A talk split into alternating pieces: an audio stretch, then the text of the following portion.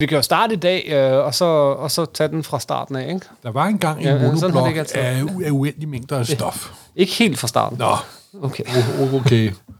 Hvad er så øh, den, den første radioaktive kosmiske baggrundsstråling, eller galaksen, første galakse, hvad, indcellede prokryoter, eller eukaryoter, eller...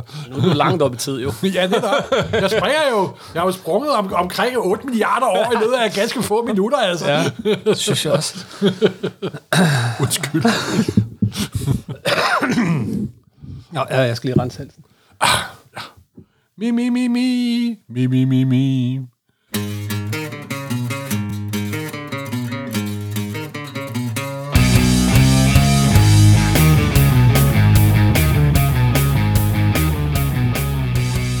Hej, og velkommen til Supersnak med Marvel Morten og Kim Helt, alias Morten Søndergaard. og Kim Skov. Det her er podcastet, hvor to tidligere tegneserieredaktører taler sig tosset om superhelte i film, tv-serier, bøger og populærkultur, men med en helt særlig kærlighed til tegneserierne, mediet, hvor alt godt opstår. Netop.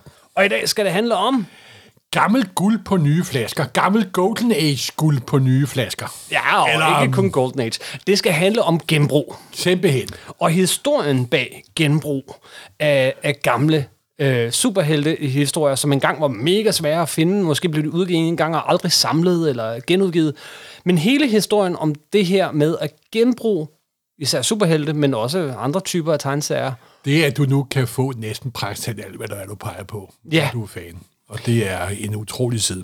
Og det er jo en sjov ting, det der med at, at, at genbruge eller genudgive. Øh, I min branche, så kalder man det for repakketering. Ren repakketering. Ja, så kan du tage en det lyder artikel- godt nok sexet, må jeg sige. Så du har en artikel, kan du så også samle den og udgive den som, øh, som et særtillæg? Kan du tage dem og samle dem og udgive dem som en bog? Kan du samle og udgive dem som, jeg ved ikke hvad. Altså det, det snakker man meget om, det der med at Det er genbruge rester. indhold. Det er simpelthen biksemad, I laver. Det er biksemad, vi Det er, laver. jo- det, er, ja. det er litterær biksemad, simpelthen. Ja. Ja, og det har været en forhandling inden for avisbranchen, altså det der med, at artikler ikke bare er ude, og så er de væk men igen. Og den samme forvandling har der jo været i tegneserierne, og det er det, vi skal snakke om i dag. Hvis der er noget, forlægger elsker, så er det, at de kan give den samme bog en Ja, gang til. og- men det og er- især hvis forfatteren har været død i over 50 år. I- Især fordi så koster det ikke noget.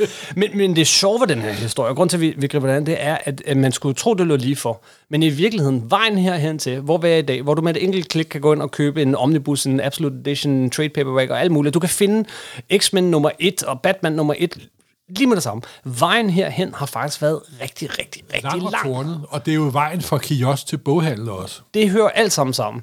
Så vi synes, det var et sjovt emne, og, og men Morten, jeg kan starte med et, et helt andet spørgsmål, bare for at, at blive i dag. Det her med at, at købe en ting mere end én gang. Er det noget, du kunne være skyldig i? Uh, ja, jeg er lige... Der er Taschen, Taschen? det store tyske forlag, Ja. Er jo i gang med at lave sådan nogle meget lækre optryk af tidlige Marvel. Ja, jeg og nu har er de lige Fantastic Four er kommet. De første 19-20 numre. Okay, og hvor mange udgaver af Fantastic Ja, Four jeg nummer tjekkede, 1 jeg har du? tjekkede jo, og jeg havde syv i forvejen. Tre hardcover og fire blade.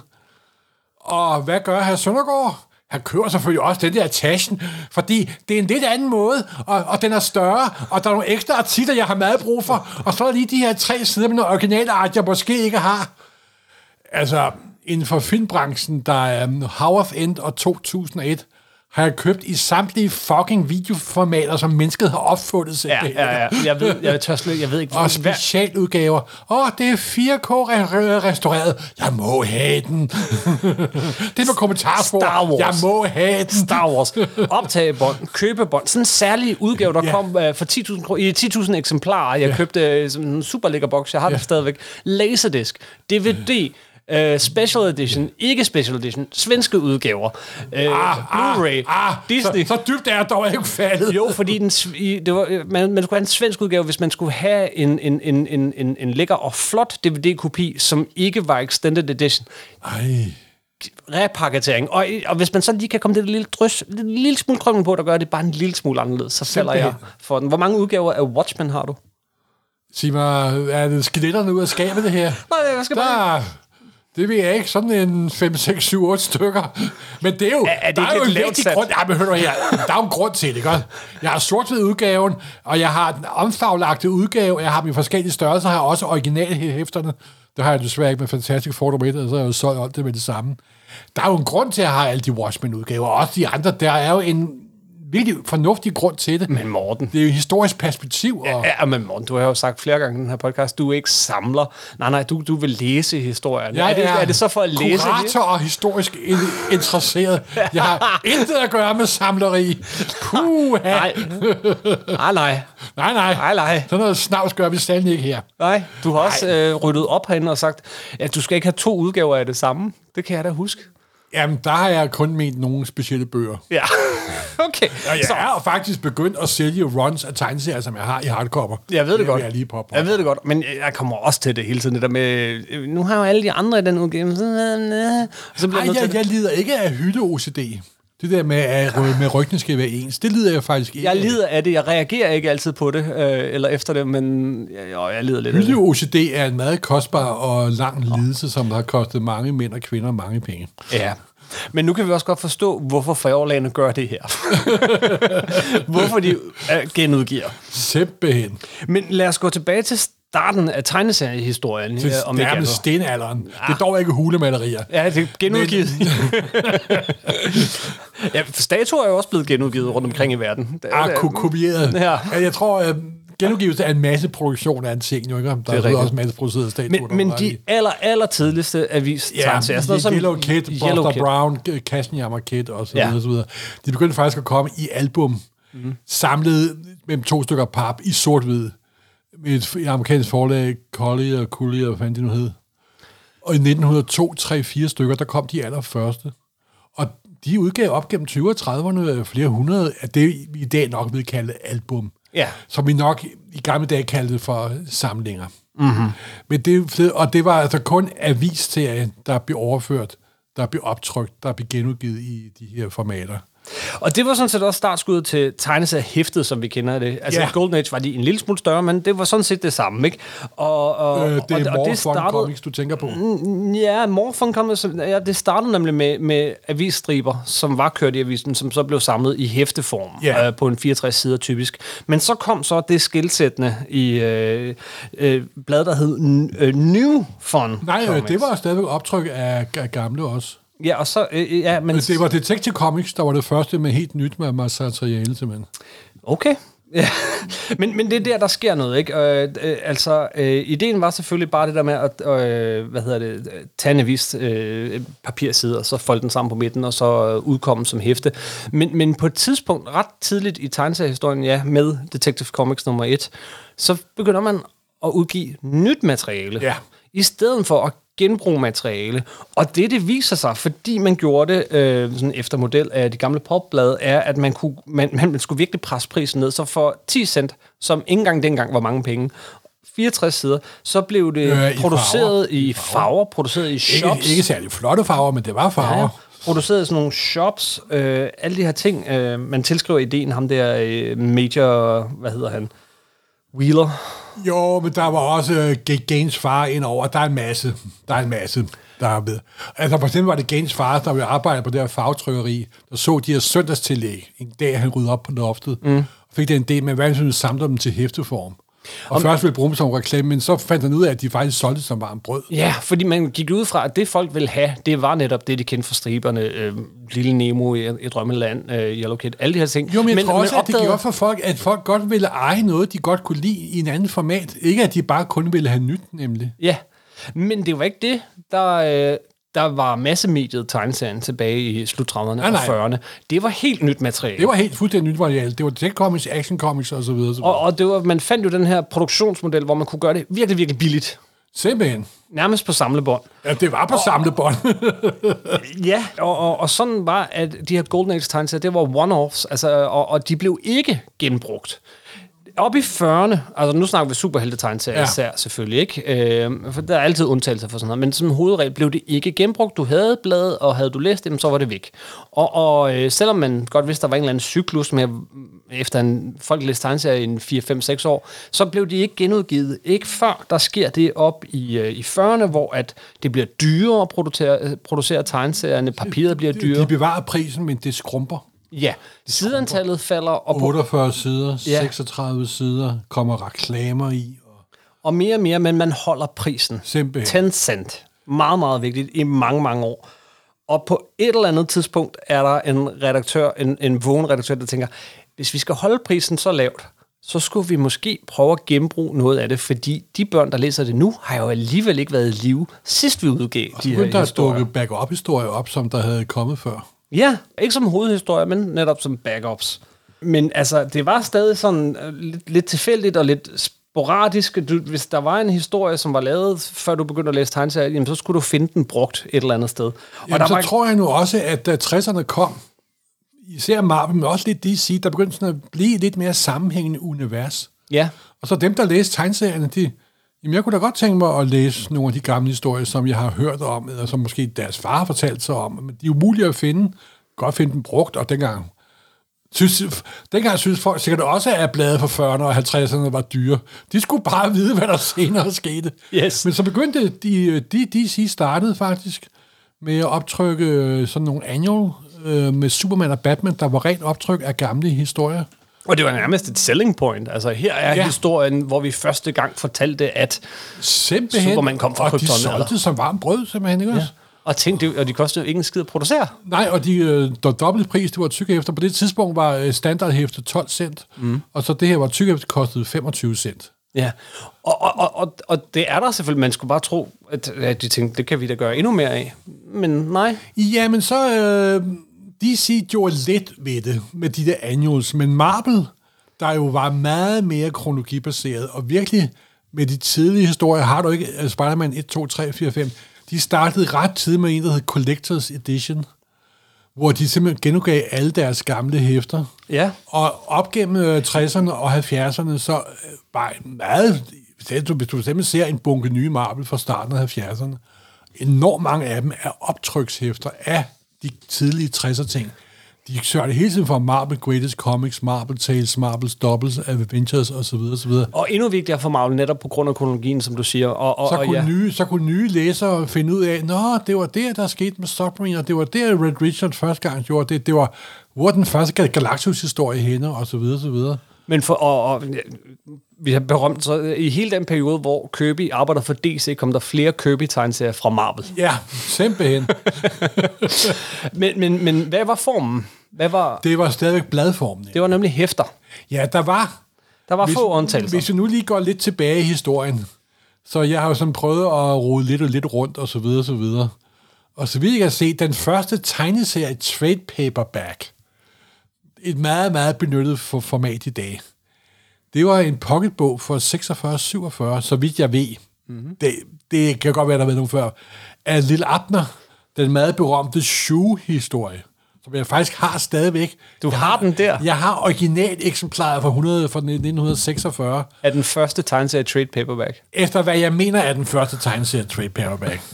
Og, der, og så i 60'erne genudgav øh, de der gamle skrækserier for 50'erne, de blev genudgivet i sort-hvid. Ja. Det er alt sammen sort-hvid, vi snakker om nu stadigvæk. Mm. De blev genudgivet i 60'erne i paperback-format. Så det var begyndt at ane om, at man godt kunne købe tegneserier andre steder end i kioskerne simpelthen. Så EC Comics tegneserier fra før Comics Code. ja, de kom i, øh, i paperback-format, fordi der var ikke noget Comics Code på. Og i Danmark fik vi den store skrækbog. Jamen, det var først op i 70'erne, fordi den store skrækbog var også en af de første store hardcover, der kom fra Rolf Conklins for forlag. Ja. The Fabulous, uh, The Horrible uh, Easy Comics from the 50s. Og der kom der den store skrækbog, der sådan var en redigeret udgave af den store hardcoverbog. Men det var ikke den første hardcoverbog, der kom med tegneseriehæftefigurer. Der kom en bog midt i, tre- i 60'erne, der hed The Great Comic Book Hero. Og det er faktisk en rimelig legendarisk bog. En meget legendarisk bog, som jeg selvfølgelig også har. Ja, den ligger også her foran os. Og det var en mand, der hed Julius, Julius Pfeiffer, som var en, han lavede sådan en lidt mere sådan øh, 60'er-agtig serie omkring øh, kultur og mode og så videre, så videre. Han var også en, en kendt skribent, men han var også fan af de gamle ting der. Ja. Og der kom den der bog, Og det sjove ved bogen er, at den blander både Marvel og DC og alle mulige andre ting Men sammen. jeg, jeg har den her, nu har den foran mig. Og forestil dig, prøv lige at forestille dig den der, den der tid, hvor at hvis du vil have noget, det er, der var 1900, det er ældre... 1966, vi 1965 faktisk. kom den. 65. 65. Og jeg har den her i hånden, og, og den er virkelig legendarisk. Fordi, også fordi der ikke var andet tilsvarende. Øh, især ikke, hvis du kunne lide superhelte. Du skulle ud og finde de der hæfter, eller du kunne købe den i genoptrykte hæfter. Men her har du en hardcover-bog, du kan gå ind og stille, og det er The Origins and Early Adventures of the Classic Superheroes of the Comic Books in Glorious Color. Og ja, du, den starter med Supermans origin. Det er altså om origins historie, ikke? Så er der Captain Marvel og Batman. Human Torch, det er jo et andet forlag. Simpelthen. The Flash, Green Lantern, The Spectre, Hawkman, Wonder Woman, og så The Submariner, uh, Captain America, Plastic Man og The Spirit. Det er jo en, det er utroligt overhovedet, at han har kunnet samle på tværs af forlag, ikke? Og den bog er første gang, hvor jeg så mange af de der origin-historier. Ja. der første gang. Jamen ikke kun den, dig, Morten. Ja, men den betyder meget for mig, den bog der, det må jeg sige. Og med lange artikler. Uh, Jo, men det er også det, fordi det er midt i 60'erne, der var tegneserier gået hen og blevet, det var heller blevet cool på universiteterne. Mm. Marvel var begyndt at, måske ikke sælge lige så meget som DC, men de var begyndt at få en større kulturel betydning. Og det var lidt cool at lave sådan. Det var jo camp, det der, ikke også? og det var øh, starten på en flodbølge, må, må man sige, og den bog har betydet enormt meget, simpelthen. men igen, flodbølgen kom ikke med det samme. Nej, Øhm, fordi det er jo, du skal jo ind på bogmarkedet, det er jo, og det er jo det, der har været det store problem. Altså, det var stadigvæk linket til kioskerne, og kioskerne gad jo ikke handle med hardcover-bøger. Nej. Så det der var bestemt en med one-off. en one-off, som man kunne sætte på biblioteket, ja. Simpelthen, nej, biblioteket kom det ikke på. Det tror jeg ikke. Jeg tror bestemt ikke, at bibliotekar i 60'erne lod sådan noget snavs komme ind på deres hylder. Det er jeg ret sikker på. Øhm, men øh, hvad hedder det? Også her i 60'erne, så, øh, så begynder man at samle gamle avisstriber som Flash Gordon og Rip Kirby og så videre. Og det kom fra forlaget Nostalgia Øh, ja, Press. Nostalgia Press. Starten af 70'erne, slutningen af af 60'erne. Mm. Og da øh, Fantast startede op der i 71 og frem det første års tid, der var Nostalgia Press en, en, det var noget, som folk gik og spurgte efter. Hvis man ser dem i dag, så var det utroligt dårligt reproduceret. Det er også det, der er kendetegn ved mange af de her tidlige hardcover-udgaver, de her optryk. I forhold set med vores dages øjne, var det virkelig dårligt reproduceret, og det var på rigtig dårligt papir, og man kunne se, at det var sådan en fotokopi af en fotokopi. Det var ligesom, når, når du så mistænkelige ting på en tredje generations VHS-bånd, simpelthen. Ja, ja. Men det, det var var- sløret, men det var der, og man kunne få det simpelthen. man kunne få det. Det store vendepunkt kommer, vil jeg, vil jeg så nok øh, øh, påstå, kom i 1970, da vi, f- øh, 1974, da vi får Origins of Marvel Comics. Ja, den bog har været årsag til mange ting og mange pro- problemer. Det har den. Og den hed jo for, for, for det første Origins of Marvel Comics by Stan Lee. Simpelthen. Punktum. Men den trade, den trade paperback, og det var en trade paperback nemlig, det var sådan en samling af din første Marvel-historie, og så sådan en god historie, et stykke inde i for, forløbet. Og så havde Stan lige lavet sådan nogle små essays, og det var i 74, og jeg tror ikke, at det var nogen ond vilje fra Stan Lees side, vel? Men tegnerne, det var nærmest som om Stan Lee havde lavet det hele selv, simpelthen. Ja, ja og, og i hvert fald også, når man læser introen, ja. Ja, ja, simpelthen. Ikke? Og der bliver nævnt en enkelt tegner i ny og næ. Men der var Stan the Man Lee, der havde skabt Marvel-universet. Og her er The Origin of, them, of Marvel Comics.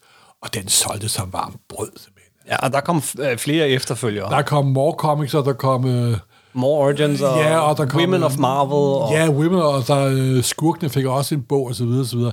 I 70'erne var det er virkelig noget, der gjorde også var med, fordi øh, Marbles salg i 70'erne var jo langt større, end det havde været i 60'erne simpelthen.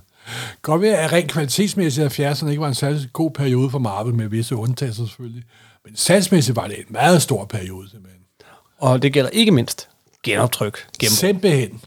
Der var også en, et, altså fandom var jo, og samlermarkedet øh, havde vokset sig stort på det her tidspunkt. Ja, og, det er større i hvert fald. Større. større i hvert De fald. første tegneseriebutikker var begyndt at dukke Ja, op. ja. Og, og, og man begynder at, at, at sætte... øh, Der er nogen, der begynder sådan virkelig at prøve at samle nogle af klassikerne. Det, det gælder sådan noget som Peanuts, men det gælder i høj grad The Spirit Ja. af Will Eisner. Som får jo en, en, en, en, og en helt ny tid. Altså, den blomster op. Det var en serie fra 40'erne, som lige pludselig bliver... Ja, der havde jo været lidt i den der Judith Pfeiffer for 65. Ja, ja, ja. 65. Så var Harvey Comics, Det var en af forlagene i 60'erne, der ikke rigtig overlevede. De havde faktisk prøvet sig med nogle optryk af de gamle, hvor Wood Eisner havde tegnet nye historier til. Så var der i starten af 70'erne en, der hed David Kishing, der kom med nogle undergrundsserier med de der rigtig gode spilhistorier for, for 50'erne af Will Eisner. Og det var det, jeg første gang så dem, også i uh, Strangos History of Comics havde en. Men, den, det rigtige, men så var ham, der hed Warner, som der jo havde lavet i Creepy og Vampirella, besluttede at lave et rent optrykshæfte i sort-hvid, mm-hmm. men sådan lidt tonet. Og det var The Spirit nummer et. Og der gik det virkelig op for folk, at de her mærkelige avisserier fra, fra 50'erne, at de havde været lang tid for deres tid, og det var virkelig blevet den, wow, var tegneserier så gode, så tidligt simpelthen, ikke? Og, det, og Will Eisner blev virkelig et navn på grund af det hæfte der, simpelthen, ja. ikke? Og, ja, og Karl Barks dukker også op her i, i genoptryk. Jo men, men, jo, men der kom jo, øh, der begyndte jo, øh, nu for at tage den lidt sådan mere lo- lokale, herhjemme med Anders Sandbladet. De bedste Anders Sand-historier. Jamen, de begyndte jo at komme i det, der hed udvalgte historier, ja. hvor de genoptrykte Baks nemlig. Mm. Og, men det var også noget, de startede på. Nu er der nogle donaldister derude, der nok vil prøve at slå mig ihjel. 70'erne. Men jeg mener først, det var 70'erne. der var jo også en Karl Bax og Gun Bahus i 70'erne. Det er jo en helt... Også, der kommer tegneseriecensuren ind, ikke? Der er jo et lille sidespring, men det, det, det elsker vi jo. Det mest berømte eksempel er selvfølgelig Jul i Pengeløse, da den blev genudgivet. De havde udgivet originalhæftet tilbage i, øh, i 50'erne i fuld med fattige børn og elendige huse og kæmpe børneflokke. Da så kom i 70'erne juli pengeløse. Pengeløse, og Rups tur gennem Pengeløse er skåret bort. Anders Hans øh, spørger, kan de give til tilskud til børnenes jul? Ja, hvor mange børn vil de have? Men der er kun to børn hver, i originaludgaven var der 15, og så videre, og så videre. Men, men det holdt Guldberghus der også op med i løbet af 80'erne, især på grund af et rameskrig for dansk fandom, simpelthen. Hvis der noget, der var hadeobjekt blandt danske fans i 70'erne, så var det Gutenberghus. Undskyld, det var lige et sidespring. Jamen, det er helt jorden. Hvis man sådan overordnet skal sige det, så tror jeg, at man kan sige, at der er tre vendepunkter i den her historie, hvor, fordi indtil videre så er genom, altså de her ting, vi snakker om nu, Spirits, Eisner og, og, og, og hvad hedder det, og Marvel Origins og alt sådan noget, det er stadig one-offs. Kiosk, det er stadig kiosk, det er stadig i tegneseriebutikker. DC prøvede jo også at genudgive deres øh, Action Comics, ikke kom sådan en stor hardcover ja. i, i så over for, for format. Ja. Der senere kom i en softcover format, hvor der var sådan et papomslag om, men så var det fuldstændig en kopi af Action Comics nummer 1. Mm-hmm. Og tro mig at være, selvom det var dobbelt størrelse af originalhæftet, så var der nogen, der lykkedes at sælge sig om, det var det originale Action Comics nummer 1. Ja, ja. Ej, øhm, men det var stadig, øh, vil jeg sige, øh, primært, og det blev det ved med længe, at være i hæfteform. Men så skete der noget i 1978. Ja. Året, hvor vi fik Christopher Reeves Superman, året, hvor Star Wars stadig fyldte alt. Der, der fik vi øh, et samlealbum af en avisstribe som yeah. gjorde det her med genbrug ja, af, af gammelt stof. Ja, nej, ja. Som gjorde det her med genbrug af, af gammelt stof, ikke bare til en, en, en god forretning, men til en virkelig god forretning. Det var jo ikke gammelt stof, det var en populær figur jo. Det, ja. det er Garfield, du tænker på, ikke? Det er Garfield, jeg snakker om. Jo, men jeg tror, at det, det, det, det er ikke... Prøv at høre intet solgt bedre end Garfield. Og øh, det der med, at man kunne efter et år, hvor den havde kørt i avisen, samle dem og så udgive dem, eller samle søndagssiderne og, og, og udgive dem. Øh, så de her Garfield samlealbum, vi er oppe lige i starten af 80'erne her, det, det satte jo i, i gang i... Altså det, det, de solgte rigtig godt. Jeg har solgt masser af godt. dem. Men der var altså... Inden da var der altså Wheels of It og Peanuts og ja, ja, ja. Parker Hart og så videre. Men de solgte ikke har, sammen med, med det mængde. Det gjorde det ikke, og det var ikke et startskud på samme måde, som Garfield var. Fordi efter Garfield, så samlede man alt. Så, så øh, Calvin Hobbes, Sten Stoffer, nåede jo dårligt at gå i gang, øh, før den blev samlet og udgivet. Ja, ja. Så fra nu af var det ikke sådan noget med, at man udgav Peanuts fra, øh, fra 50'erne. Øh, nu, vil jeg, nu var det ikke, vej hen. Men, har du fuldstændig ret. Men at, at den forvandling, der skete, var, at man udgav øh, øh, serier samlet, så snart man kunne. Ja, simpelthen. Og det var avisstriber.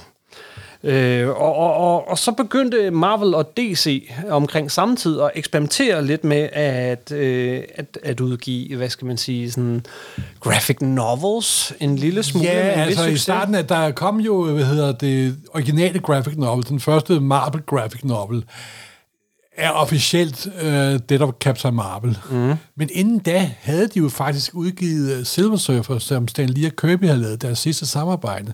Der er en fuldstændig original graphic novel, der sådan har sporadisk kendt øh, forhold til Marvel-universet. Så der havde været sådan små drøb. Men de havde også begyndt at udgive nogle trade paperback af deres mest populære historier, Dark Phoenix-sagaen. Hvornår er den fra?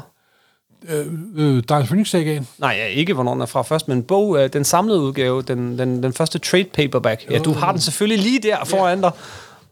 Og Morten, han kigger efter. Ja, lad mig se. Hvor fanden er den fra? Sorry. Nej, jeg venter i spænding. Så kan jeg i mellemtiden øh, øh, øh, sige... Den er fra 4, 84. 84. Cirka 3-4 år efter, at Dark Phoenix-sagaen havde købt. Havde, kørt. Og den med en meget fra flot forside mm. af uh, Bill Sienkiewicz. Men det var ikke noget... Dengang var det ikke normalt, at der gik 6 måneder, 4 måneder, 8 måneder, så kom der en trade paperback med det, der havde været i bladene. Det var ret exceptionelt, at de lavede, men det var fordi, den Dark Phoenix-saga havde været så populær og blev så meget omtalt, at de simpelthen blev nødt til at genudgive den i et format, der også kunne sælges mm. tegneseriebutikker, men også til boghandlere. Og den ligner jo en trade paperback fra i dag. Med fast ryg og... Fast rygt øh, lige, men den er lidt større format, den er trykt på lidt mattere papir, men det er grundlæggende, hvad vi vil kalde en standard tegneserie trade paperback i dag. Ja. Men stadig, det var ikke, det var ikke kutyme. Men så skete der noget i Og 1986. 86. Så skete der to ting. Ja, og det er det tredje vendepunkt, vil jeg sige. ja, det er et meget stort vendepunkt. Vi fik selvfølgelig Watchmen og Batman The Dark Knight Returns. Ja. Som vi har talt om meget i Supersnak.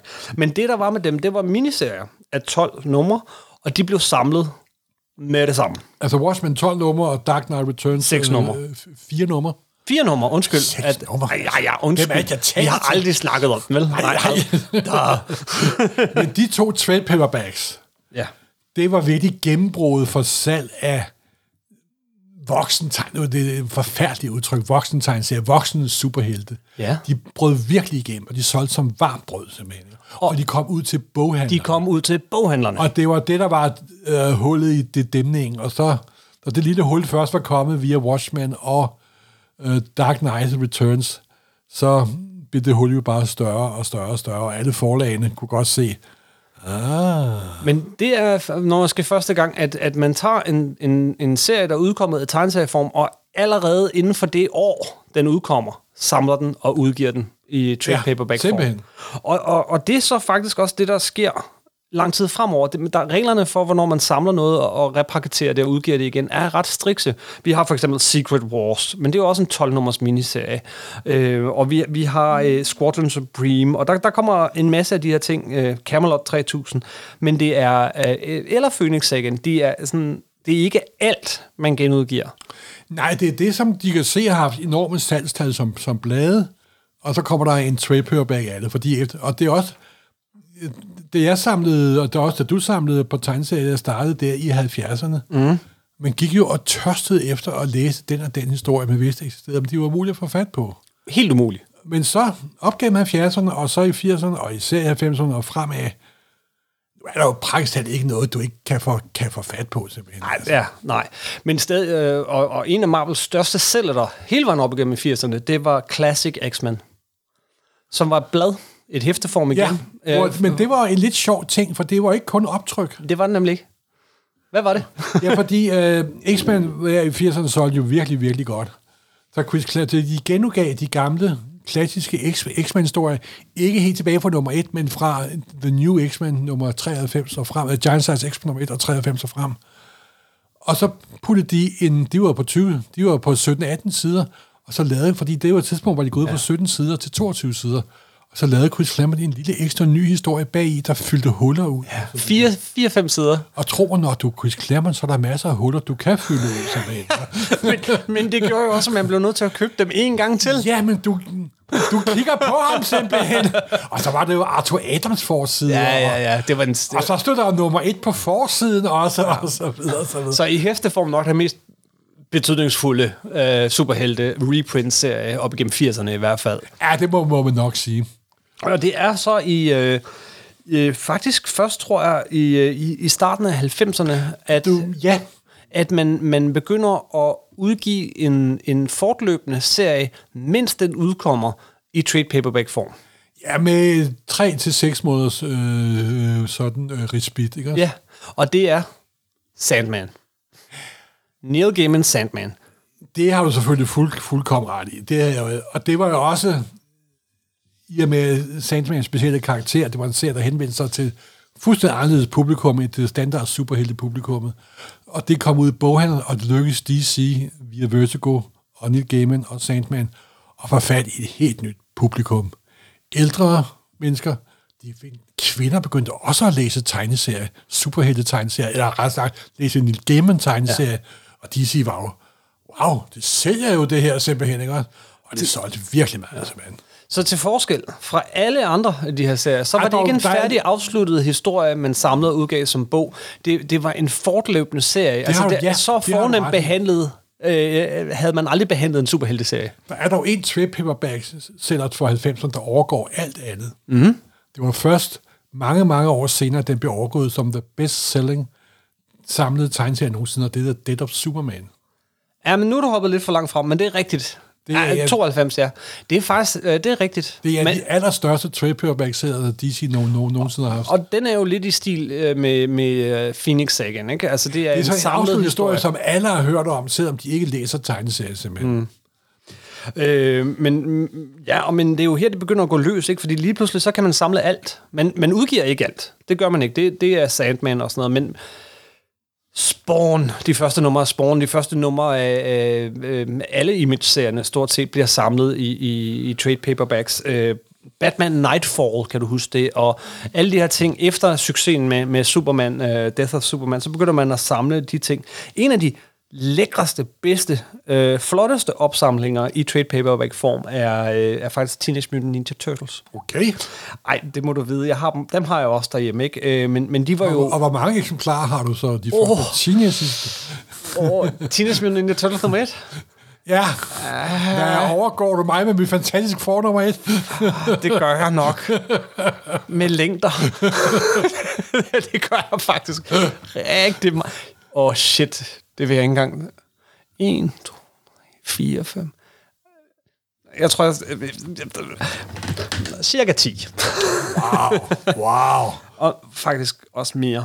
Nå, men, men anyway, de, de samlede de her første hæfter Turtles, fordi Turtles var jo øh, af, afsindeligt populære i, i, i start 90'erne, men, og de var virkelig svære at få fat på, ikke? Men de, De blev var samlet meget, rimelig svære tidligt. at få fat på, faktisk. Så der var de her seks album, hvor man samlede øh, de første historier, og så gav man dem farver. Det var sort-hvid op, øh, tegneserier oprindeligt, så det var noget nyt, at de var farvelagt. Det og gjorde, de man, var, gjorde man også. Det var også grund til, at så Elquest blev så populær. De Ja. kom i sort hæfter. Ja, så kom de Elfquest. de her Donning-udgaver. Mm. I meget, I meget farvestrålende farver, som jeg synes var forfærdeligt, men de fleste folk øh, elskede. De solgte også virkelig, virkelig godt, simpelthen. og i Turtles hæfter var der selvfølgelig også nye historier bag i, så, så hvis det ikke var nok, at de var farvelagt, og jeg mener i øvrigt virkelig flot øh, håndkoloreret farvelagt, øh, men så var der bag en ny historie. Man blev nødt til at eje de her seks album. Men det helt store sådan, skifte, vil jeg sige, sådan, i måden, man gik til det her, det er nok øh, sådan sidst i, i øh, sidst i 80'erne og, og starten af 90'erne, hvor at både Marvel og DC begynder at samle det i sådan nogle super lækre hardcover. Så jeg snakker Marvel Masterworks og Archive Editions hos DC. Ja, altså DC havde lavet noget, inden der var begyndt at komme hardcore ting, både i 70'erne og 80'erne. Men det var sådan mere sådan nogle antologiserie, The Greatest Golden Age Story Ever Told, og The Best, super, best Flash Story Ever Told. Ja. Der faktisk kom i hardcover. Jeg har der en lille stak af de der gamle 70'er og 80'er hardcover. Men decideret sådan målrettet, som du selv siger, arkivoptryk, kun rettet mod samlere i super lækker udstyr, Og meget små udgaver. af forholdsvis små oplag Oplag, ja. op, op, oplag. Det var øh, Archives og Marvel Masterworks. Og, og så kommer vi jo igen til en lille sjov forskel med Marvel og DC. Marvel har virkelig været konsekvent med deres optryksprogram. Ja, det må Marvel Masterworks kommer den dag i dag, og de kommer med to forskellige covers, og det ene covers, der er fortløbende numre på, og de er nu oppe på omkring 400 hardcover, Ja. nummereret i rækkefølge. Og du kan faktisk få komplet run. Det på den dyrest mulige måde. Det, er dem, der kommer nu om dagen. Nu er vi oppe i midt i 70'erne. Så hvis du synes, at du skal have de sidste 12 numre af Ghost Rider i hardcover, så er det til at købe. Jeg vil ikke anbefale det, men hvis du har brug for det, så er det der til at købe. Jamen, de udgiver råb og stup. De, jamen, og det er jo sjovt, for de udgiver det med råb og det er kørt. Det kører sådan øh, en 20-30 år bag, bagud, men de kører. Der kommer selvfølgelig også andre hardcover-optryk. Men det der Marble Masterwork, det er super fokuseret. Det er, de tager måned for måned, og det er alt, de udgiver i mig. Og det er virkelig flot, altså. Og der er garanteret nogen, der har samtlige Marble Masterwork derhjemme. Fra nummer 1 til og med nummer 400 og så et eller andet. Ja. Og de kommer hver eneste måned. simpelthen. Men det er kun i oplag på en 2-3-4.000 stykker. Så hvis du ikke køber dem inden for de første måneds tid og to, eller ikke engang da, så er de bare væk. Ja, og selv her i 90'erne og i starten af 2000'erne, så var det øh, svært at få gamle historier. Så n- guldet blev samlet. Ja, altså, du så- kunne altid, i 90'erne kunne altid få øh, Galactus Sagaen og de første Spider-Man. Sådan Daredevil med- og Frank Miller. Ja, netop. Alt, alt, det der. Men sådan mere specifikke, lange runs indimellem, det var lidt svært at få. At få. Ja. Og det er det sådan set stadigvæk det, den dag i dag, Ja. hvis du ikke har en digital adgang med. Ja. Men, ja, men ej, det er dog blevet noget nemmere, vil jeg så sige. og de udgiver mere. Men vi skal faktisk helt op i 2000'erne. Starten af, af, det her årtusind, før at man konsekvent samler øh, tegneserier efter 5, 6, 7, 8 numre, og så udgiver dem som trade paperbacks. Ja, der er ikke meget, der ikke er blevet udgivet som trade paperbacks. Det er der altså ikke. Der er ikke altså, hvis du er en tegneserietegner, der har lavet seks numre, eller en forfatter, og den ikke bliver udgivet i trade paperbacks, så er det et vink med en vognstang. tak. Men, men det er helt konsekvent, og det betyder selvfølgelig også, at man, nogen begynder at tænke, hvorfor skal jeg egentlig købe hæfterne længere? Og det er jo et begreb, der hedder, at man uh, waiting for the trade. Waiting for the trade. Og jeg er jo selv gået i stigende grad øh, over Jamen, jeg er sådan lidt 50-50. Jeg, et eksempel, jeg er kommet med før, men der er den der Vertigo-serie, som der hedder Legends, ikke det, hvad hedder den, Fables, mm. der handler om sådan øh, eventyrfigurer i den moderne verden. Og der, det kom i fast blad for Vertigo, og der, når vi bladet kom, så tog vi som regel mellem 5 og 10 stykker hjem. Når der kom en trade paperback, så tog vi 50 hjem. Ja. Og der solgte paperback en faktor 10 bedre end bladet, Sebastian. Så på den måde har markedet fuldstændig skiftet sig. fuldstændig skiftet. Floppede, som det hedder, de løse blade, dem med hæfteklammer og et rigtig godt gammelt tegneserieblad, det er blevet sådan en slags reklametryksag for den kommende bog- og trade paperback-salg, simpelthen. Det var, det var noget, Marvel øh, fokuserede helt vildt hårdt på i starten af 2000'erne, også fordi de opdagede, at de kunne komme ind i boghandlerne. Det var netop det, og det har været en lang sej kamp at komme ind til boghandlere, men så sker der jo det, at boghandlerne opdager, at folk kommer ind og køber dem. Og så er de jo straks lidt mere villige. Ja, men også i de overforede også markedet, så fra mange boghandlere forsvandt Men de også har igen. Marvel ikke overfodret markedet? Men, men de tog også bestik af, hvad Sandman gjorde, fordi nu sagde jeg jo, at det var en fortløbende serie, men det var jo faktisk også en serie af afsluttet forløb, som, havde, som fortsat igennem serien. Og det har jo bevirket, at den måde, der bliver skrevet tegneserie, øh, bliver lavet standard tegneserier på i dag, der er langkørende subplot, de er væk. Ja. Det er klumper af 5 til 8. Det er som regel 6 efter. Bum, bum, bum, bum. Og det har givet en anden tilgang til at skrive, skrive historier, og det der har både negative og positive ja. følger. Og, og hvis det så kommer ud og fylde en 10 trade paperbacks, når det er færdigt, jamen, så er det ligesom en ny sæson, der starter. Men også begynder at bruge tv-begreberne inden for tegneserier, hvad jeg bestemt ikke bryder mig. nej, nej. Men nu er vi sådan set her i dag. Og nu i dag, så er der jo... Øh, vi har spoilt for, for Todd Joyce. Ja, og, og de bliver samlet i omnibus og absolute editions og trade paperbacks og billige ud, øh, altså udgaver, der er til at købe, og dyre og luksusudgaver. Luksusudgaver, og, der ikke er til at købe, og der kommer udgaver af originalarten i overformat, og Det er alt det der. Edition, Ja, ja, ja. og Artifacts Edition, og de kommer i slipcase og i hardcover, og det er noget, der startede i 80'erne og 90'erne, og så er det virkelig taget til her de sidste 10-15 år. ja, I ekstrem grad, faktisk. i ekstrem grad. Men vejen hertil har været lang. Ja, men nogle af de her nye udgaver, de er jo også så lækre. Jeg er her, øh, nu er det snart jul, og en af de gaver, som Søndergaard giver sig selv, det er, at endelig bliver de 10 første Small Thing af Bernie Wrightson udgivet i Absolute Edition. Oh, Den skal da selvfølgelig have, Sebastian. For jeg kommer jo også ind på lidt andet øh, ting med de her genudgivelser. Nyfaglægning og restaurering. Ja. Fordi hvor, øh, hvor er trykmaterialet henne, ikke? Altså, nogle af de tidlige optryk, der kunne man godt se, at det var en fotokopi, og det var... En fotokopi en Så fotokopi? begyndte de at prøve at tegne af, og det er de blevet bedre og bedre til, og også blevet bedre til at, at restaurere. Og hvis du vil have en debat op og kørende i, i, i, i dag, udover Don Rosa og Karl Bach, så er det faglægning af amerikanske superhelteblade. Oh, ja. Det, og der er jo det, men jeg vil lige sige, at de er blevet meget, meget bedre til det. Det er de. de. begynder at trykke på noget... De første tidlige omni, store omnibusser, der kom, og Marble Masterwork for den sags skyld, det Krid, kridhvidt glænsende papir. Øh, farverne stod helt forkert. Og det var simpelthen, ikke også? De er blevet meget, meget bedre til det. Og faktisk er nogle af de genudgivelser af 70'er tegneserier, der kommer nu i omnibusformat. Hvis du har originalhæfterne fra 70'erne, dengang at de virkelig havde økonomiske problemer, og det blev trykt på papplader, fordi at holde prisen nede.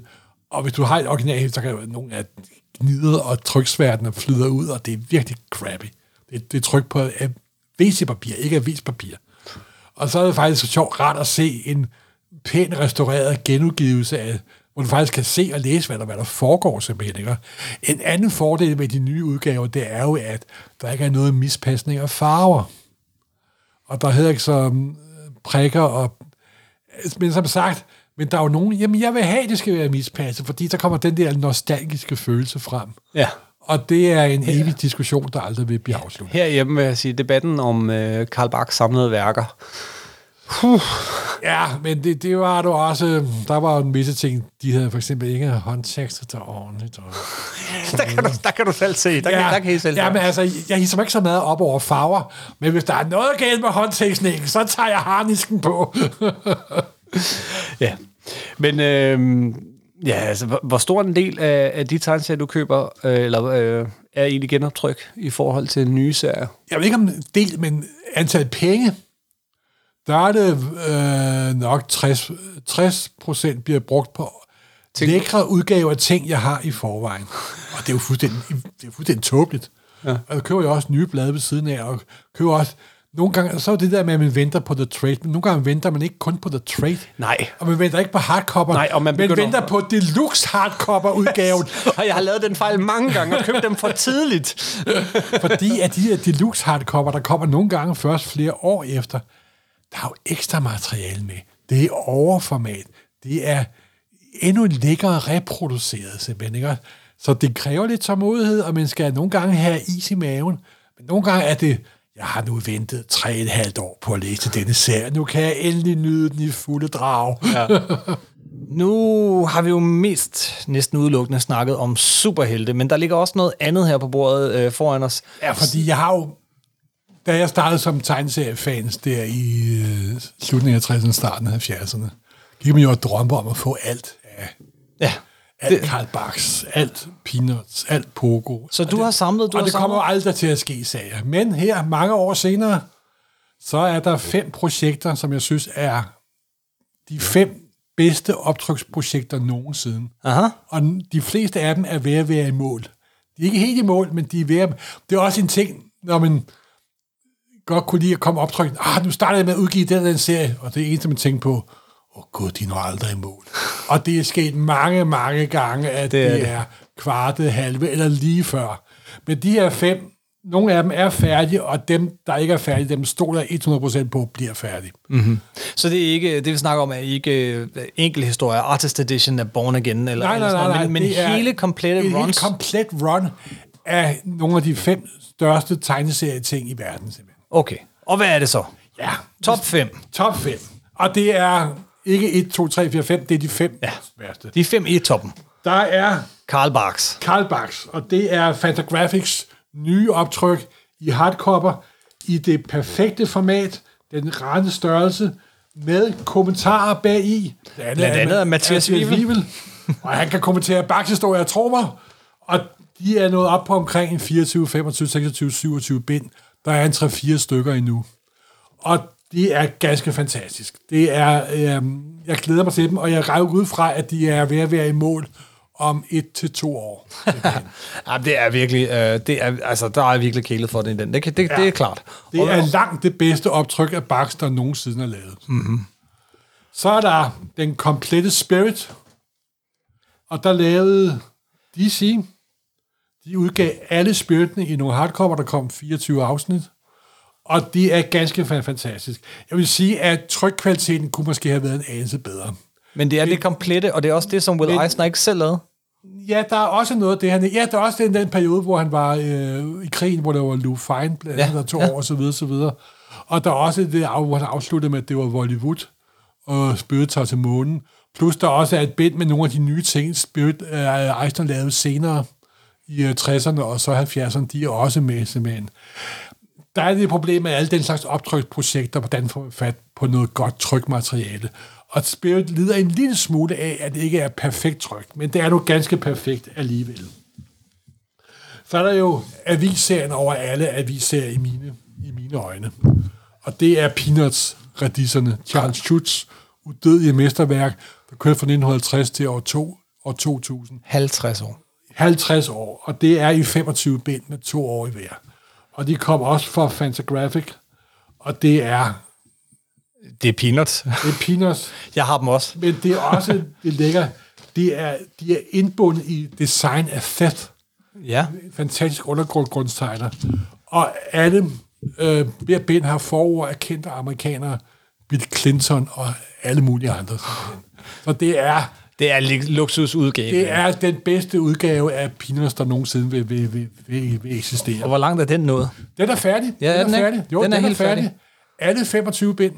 Ja. Simpelthen to år, to år i hver. Det er nogle lækre hardcovers. Super lækkert. Så er der noget, hvor de er både næsten færdige og næsten lige startet. Det er øhm, Dark Horse optryk af EC Comics. Ja. En gode skrækserie. Og der er de begyndt at udgive dem i billige, bløde udgaver til omkring 20 dollars stykket. Og det er dem, du anbefaler frem for deres den, og, der, og de kommer i et utroligt tempo nu. De kommer hver anden måned for, øje, for øjeblikket. De redder ved at være en fjerdedel igennem, Ja. og de er blevet populære. Og det er totalt optryk af alle de kendte skrækserier, alle de kendte science fiction serier, alle de kendte øh, krigsserier. EC Comics, som noget af det, der er genudgivet og der er flest det gange. igen det der med, de genudgiver dem med reklamer, med, med, med redaktionelle sider og med brevkassesider, og så er de genfarvelagt i Mary Severins ånd. Ja. Og der er selvfølgelig, som der er med al faglægning, diskussioner om, om det nu er en tro kopi af originalen. Det er det ikke. Det er faktisk flottere end originalerne. Det kan godt være. Og jeg men, er sikker på, at hvis du spurgte nogle af de overlegne tegnere, om de kunne lide de nye, som de synes, de nye gaver er meget flottere. Men det er farver med lidt overgang i. De er lidt skære, men jeg synes, det er ganske fantastisk. Ja, jeg er ikke helt overbevist om, Og om faglægningen i dem her, Morten, fordi jeg synes, det... det, det Så har du ikke set det originalt Easy-blad, ja, det- hvor der var mispasninger og dårlige farver. Nej, nej, men jeg har set bedre samlinger og genoptryk nej, nej, end det nej, der. nej, du har ikke. Det har du ikke. Okay, hvad er den sidste?